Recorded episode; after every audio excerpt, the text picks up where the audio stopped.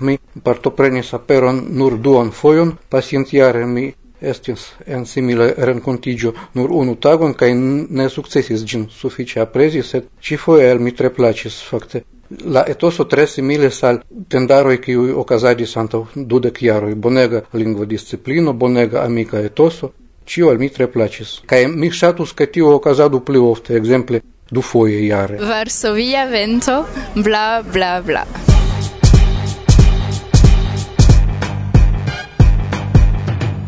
nova tago La suno brilas en la altoj Nova ŝanco subite si montras ĉe ni. Antaŭ niaj okuloj Radioj diafanaj ne A Afabla peto de naturo atresko constanta. Acceptu Vi estas pli ol ai. Ne simpla jai, ne simpla elemento. Effective credo e via competento. Credo e via capablo, credo e via talento. Eniru en la arenon. Kaj la armiloi necesas. Esta sigla de atoro glavo sem clingo. Estas vi plena de valor o gravo atingo povo. Pera lima povo, vi chovas, vi puxas, vi jetas, balanças, vi levas, escuas, que de construas. Transcirular o biconon. Ala preterito nur pardonon adiau Char la estonto nur lependas de rodiau Hiero iris, hiero passis Forgesu do, tempo de fracasses La vivo estas nun, atento bone. Mi analizo cune reperit me sone De la vivo estu vi autoro De la vivo estu vi la regisoro La arta zorgo de la vivo confido a vi atenção divino o confí Estas figuras respondetas por via apoteoso. Estas figuras pretas la valor um delaroso. Ne for de las vedo, plenum mi Que vi estas de valor a la momento estas declare. Nenhum povas vin bari, vin bari, vin Ne atento, hago que el aquelero Char la vivo estas tia mericevo se de opero Venas tui, venas rapide, evoluo kai prospero. Estu vice farolulo kai ne simpla pasagero Ien per mildo, ien per coro, estos formo de conquero.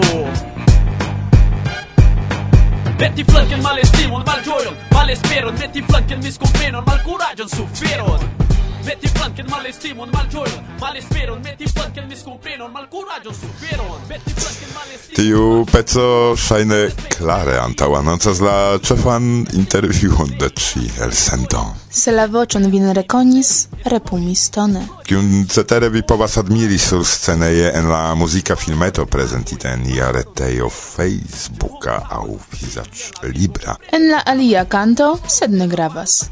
Se neniam vi vidis la artiston, simple clacu la ligilon en la prescribo de la programo. Tio, ni valorigas, che la respecto kaj accepto estu tio, kio ni vere ligas, se ni estas kune por ni, malĝojon igu for de la menso de ni.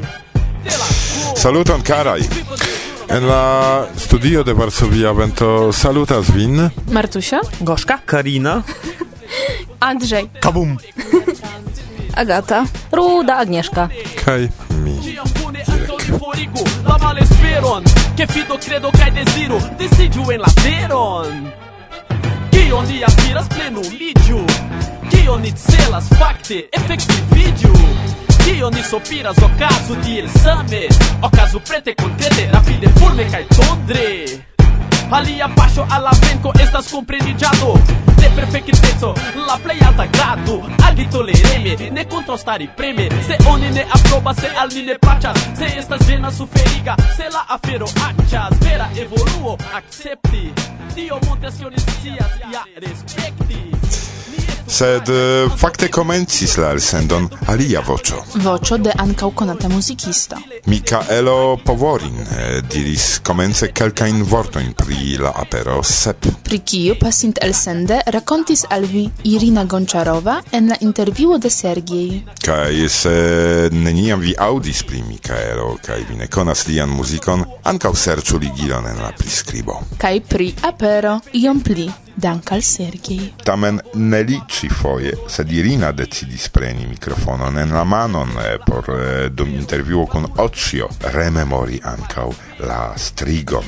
Estis tiu aranĝo iam en Rusio. La unuan fojon mi aŭdas, Do, cara, auscultu. Sed, tio ancora ne estas cio, cio ni desiras al vi presenti en ci programo. Interconsente con Hosener, la chefredaktoro de la revuo Contacto, iom ni presentos la enhavon de la lasta eldono. Sed nun, en la comenzo de la programo, ni desiras inviti vin en la lerneion. Bonan do lernadon. lernadon.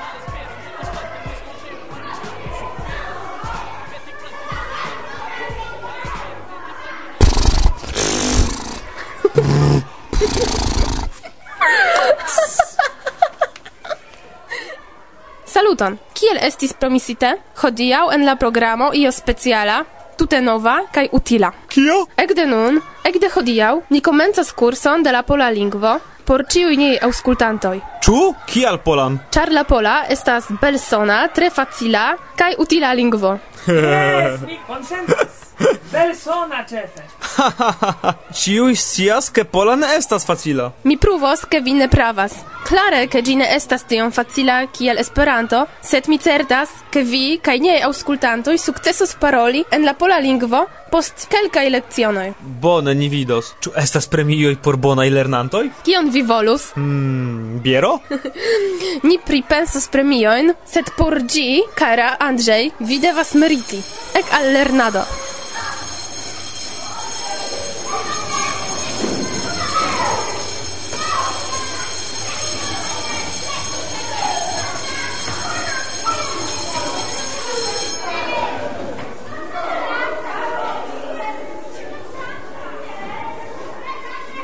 unuaj kelkaj frazoj por hodiaŭ. Ni komencu je saluton. Saluton en la pola lingvo estas cześć.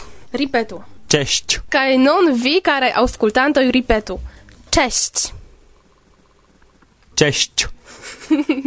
Dua vorto. Bonan tagon. En pola lingvo. Dzień dobry. Cień dobry. Kaj nun vi, dzień dobry. Dis la revido. Do widzenia. Do widzenia. Kaj nun vi, do widzenia. Tre bone. Yes. En pola lingvo, tak. Tak. Kaj nun vi, tak. Kaj ne en la pola lingvo? Nie. Nie. Kaj nun vi, nie. Dankon, dziękuję. Dziękuję. Ne, ne, ne. Dziękuję. Dziękuję. Ancora unu foje. Dziękuję. Dziękuję. Kaj nun vi, karaj aŭskultantoj, ripetu. O, tre bone. Eble vi havos iun premion. Pardonu. Przepraszam. Przepraszam. Poszo. Przepraszam. Przepraszam. Kaj nun vi, przepraszam. Tre bone. Bonvolu. Proszę. Proszę. Kaj nun vi, proszę. Mi ne komprenas. Nie rozumiem. Nie rozumiem.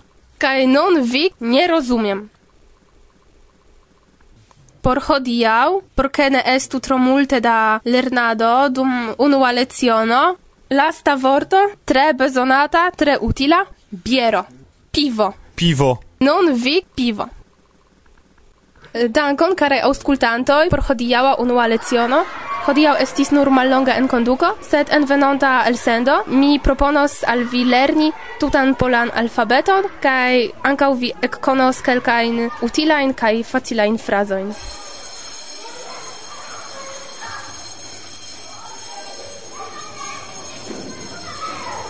Mondon de la pola lingvo al proximigas al vi. Kiel instruistino, bela Karina.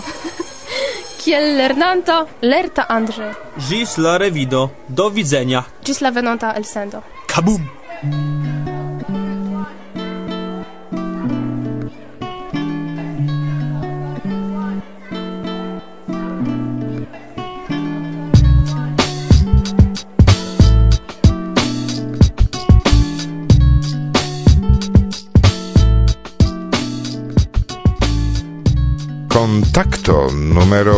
Numero ducent quindecdu. Homoj Oskar Niemeyer, architekturo de la vivo, facila la fenestro, noko do ses objektoj similaj, al eh, Darth Vader clacoi kaj popularezzo ĉu ekzistas privateco en la societa erao kaj Peter Balas, esperantisto de la jaro 2012 estas ĉefaj temoj de kontakto kiun ni vidas sur kovrilo de la revuo de tutmonda esperantista junulara organizo kaj nuntempe Ni kolektigis en la redakcia rondo ne klaci sed eh, paroli ĉu estas io interesa inter la paĝoj de tiu ĉi eldonaĵo. Do Saluton, mi estas Goszka. Me. Mi trovis interesan intervjuon kun Peter Balaš, kiu estis elektita kiel esperantisto de jaro 2012. La intervjuo klarigas situacion kun aktuale info, kiu nun eh, povus eh, esti nomigita fakte malaktuale info. Pro realigo de aliaj gravaj projektoj laboro por tiu paĝo devis esti lasita por estonteco, sed en ĉiaro aktualigo de aktuale.info estas antaŭvidita. Petro ankaŭ parolas pri sukceso de slovake.eu, kiu estas paĝo por lerni slovakan lingvon, subtenitan per fondusoj de Europa Unuiĝo, kaj li ankaŭ parolas pri vortaro.net, reta plena ilustrita vortaro. Petro ankaŭ klarigas kiel kaj kiaj sumoj estis uzitaj por projekto lernu.net. Do intervjuo ĉefe videbligas al normala usanto de tiuj pagioi problemoin kun entreprenoi kun investigado al entreprenoi kai mastrumado de ili. Ĉu vi kapablas respondi kiel vi elektis tiun artikolon por prezenti Mi pensas ke tiu estas grava artikolo en kontakto Do mi legis kai evidentigis ke gi estas interesa, char se vi vidus paĝaron aktuale.net, vi ne havus bonan opinion eh, pri kiu mastrumas tiun pajaron char tiu aktualaĵo estas de 2010 jaro, ekzemple. Sed Petro certe pli bone scias pri stato de tiu projekto. Do Petro bone ke klarigas pri kiu oni ne scias, kiu fakte okazas eh, kun tiu retejo actuale info. La intervjua estis tre interesa. To certe Hosener ekĝojos pri tio kaj ankaŭ la granda aro de la tutmonda esperantista junularo nuntempe aŭskultas nin kun eh, granda entuziasmo kaj ekscitiĝo, mi pensas. Ankaŭ mi legis tre interesan artikolon en Kontakto, artikolon pri klaĉo de Manuela Ronco al Italio. La articolo tuŝas la temon de klaĉado. Kial homoj klaĉas? Kiel homoj bezonas klaĉi kaj kia estas funkcio de klaĉo? Ĉu oni klaĉas pro simpla kialo ke oni havas nenion alian por fari? Aŭ eble klaĉado ne estas nur frivola amuzo. Eble oni klaĉas por interŝanĝi sociajn informojn, ĉar tio, kion homoj pensas pri aliaj, tre utilas por ke ni starigu rilatojn. En la articolo oni povas trovi opinion de brita antropologo Max Gluckman, kiu proponis sian tezon pri klaĉoj kiel ilo de socia kontrolo. Li comprenis che clacioi certe ne estas vanai cae bagatelai discutoi, sed plenumas la gravan funccion conservi cae protekti socian grupon, plifortigante la reguloin pri la mal aprobo de eraroi, cae reassertante la valoroin de la comunumo. Oni povas do defini la modelon clacio, kiel aron da informoj pozitivaj aŭ negativaj, kiuj rilatas al aliaj membroi de ies grupo de aliaj grupoj kai kiui raportas pri okazajoj au karakterizoj, kiu esprimas opinioin bonvolain au malbonvolain pri ili. Do kion vi opinias? Ĉu klaĉo riproĉinda ago aŭ socia bezono? Se vi deziras ekscii plenan respondon pri tiu ĉi temo, kompreneble legu la ducent kvindek duan numeron de kontakto. Kiun prezentis al vi Agata kaj Agnieszka.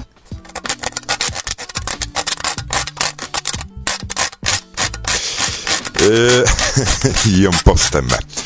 Iom poste ancora uni trarigardas kontakton. Kai mi turnis atenton pri informoj de la redakcio nome temo sugestoj. Momenton... Eh. Kie tio? Giuste oni tui vidas la cefajn temojn, sed ne ĉiam rimarkas komunikojn, informojn aŭ alvokojn de la redakcio. Ach jes, eh, la kvara paĝo jam mi vidas. Kaj vidu, tre interesa informo, speciale por tiuj, kiuj ŝatas lingve evolui kaj prezenti ion interesan. Fakte, ĉu vi ŝatus verki por kontakto, sed mankas inspiro? Jes, kaj la redakcio sugestas kelkajn temojn. Fakte ĝi povas inspiri vin ne nur legi, sed ankaŭ mem verki. Ne nur preni, sed ankaŭ uh, ion doni. Ĝuste. Imagu ni festenon kun la tablo plen plena de manĝoj. La festeno estas nia internacia lingvo kaj sur la tablo videblas manĝoj de nia aktiveco kiun ciu ni gustumas. Oh, yes, mi imagas. Kie do ni, kie vi estas, eh, uh, cara auscultanto? Ĉu inter eh, la kuiristoj aŭ kuranta energie ĉirkaŭ la tablo servistoj? aŭ en la amaso de gastoj, kiuj venis viziti la festenon por nur provi la preparitajn manĝojn. Bona demando, kie ni estas, al kiu ŝajne ne tiel vere facilas respondi simple mi pensas. Kaj tiu redakcia, fakte pli alvoko ol nur informo, inspiras vin trovi vin en nia kulturo iom pli aktive.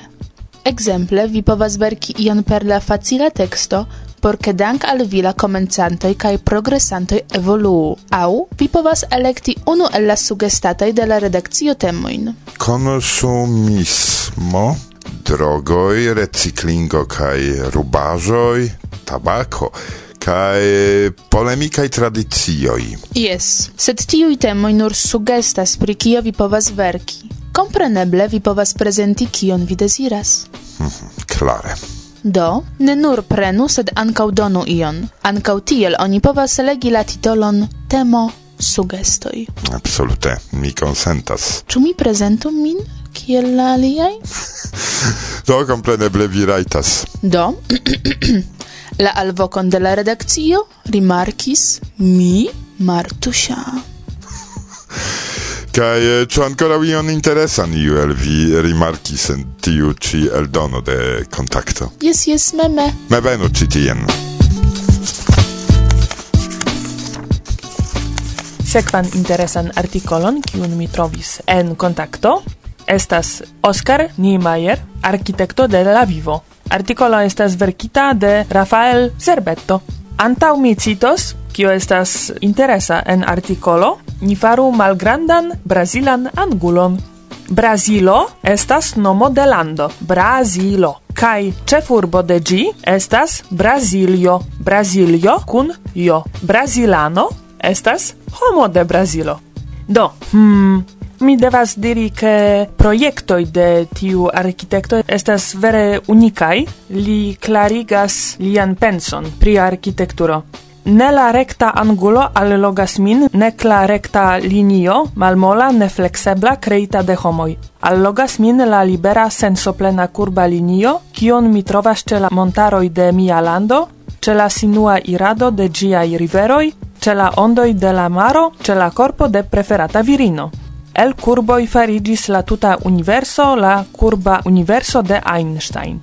Articolo estas illustrita per kelkaj fotoj kaj en tiuj vi vere vidas kio estas unika en arkitekturo de Oskar Niemeyer. Ĝi ne estas kiel simplaj blokoj de betono, sed tiuj belaj fantaziaj kurbaj linioj vi vere vidas.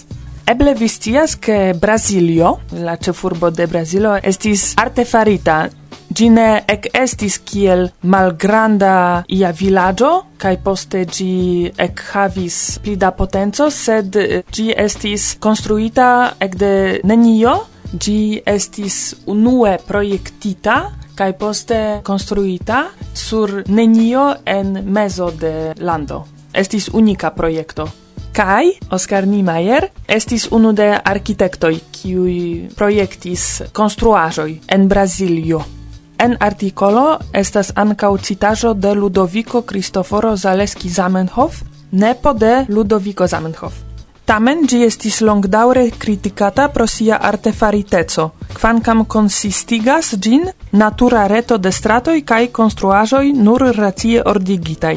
La artefarita Brazilio havas ion fratecan kun la artefarita Esperanto. Ambau farigis vivantai kai prosperai. Lau mi gi estas tre trafa opinio kai ankaŭ lau mi se nur naturo estu bona kai artefariteco estus malbona, ni daure lodjus en kavernoj. Do, artikolo simple prescribas vivon kai projektoin de Niemeyer. Kai mi vere rekomendas legi gin. Do tiel ni la unuan fojon pri kontakto. Kai, pardonu ke mi uzas la okazon, sed nun mi deziras turni min rekte al vi, Luana kiu de certa tempo presentas diversain romantikajn poemajoin, interesain vere, laste ancau en Esperanto kies ligilon vi povas rimarki ankaŭ ĉe nia grupo. Kara, kontaktiĝu kun la redakcio de kontakto kun Hožener. Mi pensas, ke via laboro meritas pli da atento. Ankaŭ mi mm, tiel pensas Luana, do Hožener, Luana, kontaktiĝu. Intervjuon kun Peter Balasz kaj artikolon Oskar Niemeyer priparolis al vi Goszka me. Ładnie, ładnie, ładnie? Kaj kisoin al Hożener. La cefa redaktoro de kontakto. Abonu kontakton.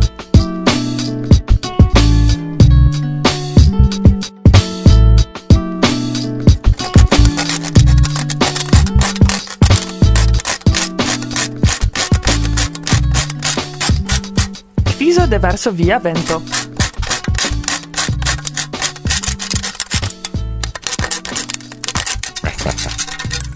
kio estas tio?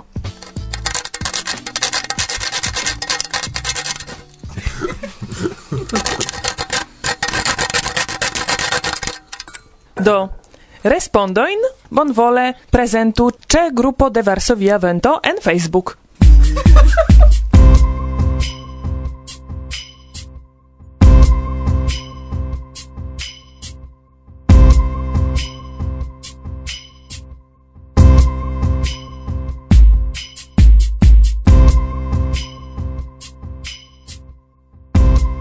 Encha seu coração com mais sincero sentimento. Você ouvirá agora Varsovia Vento. La mondo estas plena de tesouroi, mirindajoi. Aquele que foi pro la rapidezzo della vivo, ni forgesas pritium da belajoi.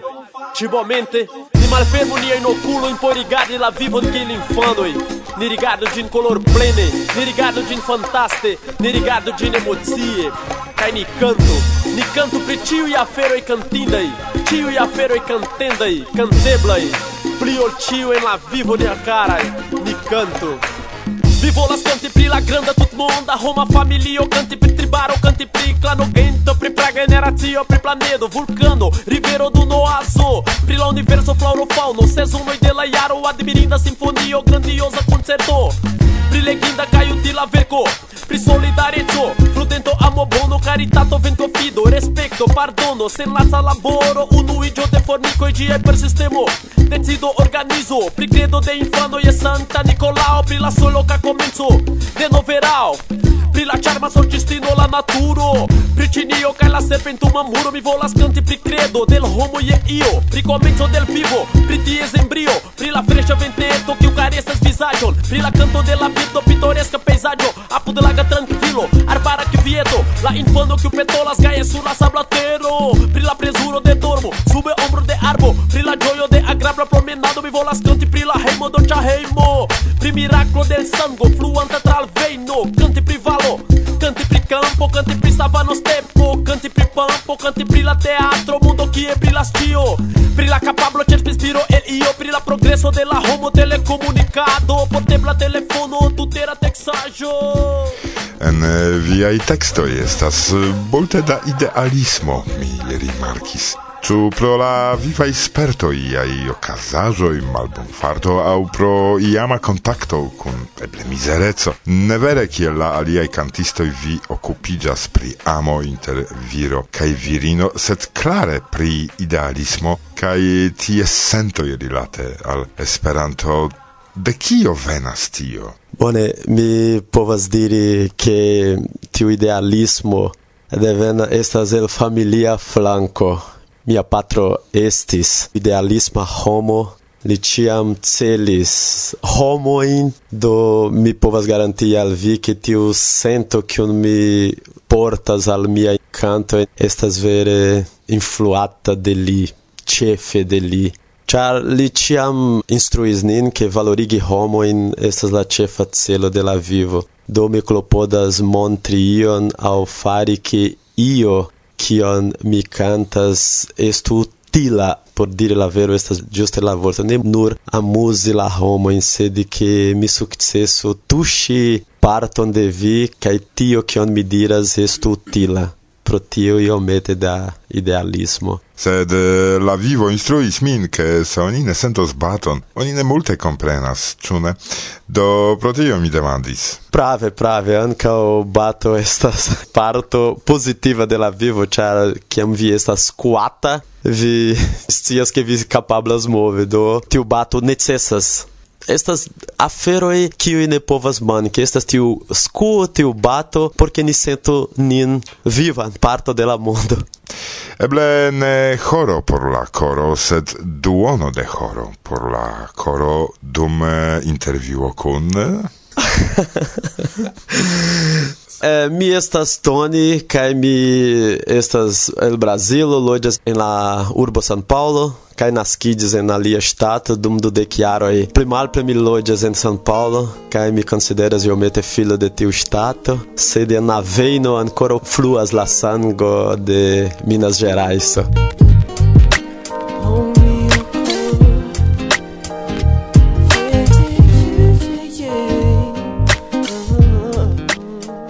Antaue nia mikrofono estas unu el la plej famaj rap-kantistoj de la Esperanto-movado, kies koncertado en Eŭropo estas fakte unika, evidente. Kiel vi sentas vin en Eŭropo dum la eŭropaj aranĝoj? Bone, estas la oficiale eh, kiel cantanto mi ne diris mi ne kuraĝas diri cantisto ĉar profesia mi faras alian tutel malsama labora nun tempe mi al proximigas al tiu arta mondo ĉar dum mia tuta vivo mi estis bankoficisto kaj la nekredeble. Credo ja mi laboris en tre formala stilo dum pli ol dudek jaroj dudek unu jaroj pli malpli do atentu che mi ne plu estas infano. Kai do Milnau ver estes la debuto che a mi partoprenis en internacia e aranjoi kai provis canti Kai tiuti essas lá do apoio vere mi comenzas senti min pli conforta dum Esperanto cantado. Espereble baldaŭ mi sukcesos este pli, char mi devas konfesi al vi, karaj aŭskultantoj, ke eĉ miaj okuloj sentis tiun público, se de la é teu e do du fojoj donis al mi iomete pli da sperto compreneble se la firo o casus pli constante iu pli da securezzo mi sentas se di mia vera celo ne dependas tutte de cono dependas chefe che mia coro successo parole alla publico de coro al coro. Tio estas mia celo. Tio evento metis min tre proxime de la coro do pro tio mi sentas min felicia nun kiu helpas al vi prilabori la muzikon, aŭ vi mem faras tion en via hejmo, en via studio, se vi ĝin havas. Ne, en mi ne havas studion, en mia hejmo mi havas simplan komputilon, kiam mi devas registri ion, mi devas pagi aparte por tion registradon. La muzikaĵon, la strumentaron, la sombaton, ankaŭ mi devas pagi aparte, mi ankoraŭ ne kapabas fari ĝin. Do mi tute dependas de aliaj homoj por fari la laboron. Kaj la teksto alvenas de situacioj Exemplo, é simples frazo ao simples vorto povas fari de música povas fari de canto, au iu situacio kiun mi rigardas sustrate povas inspire min, o músico que me aŭdas eĉ eh, rigardi en la okuloj de la homoj kelkfoje é donas al mi tiun vervon, tiun inspiron, tiun energion. Do temas pri che vi permesso que la coro capto la momenton kai tia maniere tiu sento faridias vortoi faridias rimo faridias musico Reclamo. Homoi, vecizu, alizu, venu al Sì, sì, sì. Vaso via vento, bla bla bla.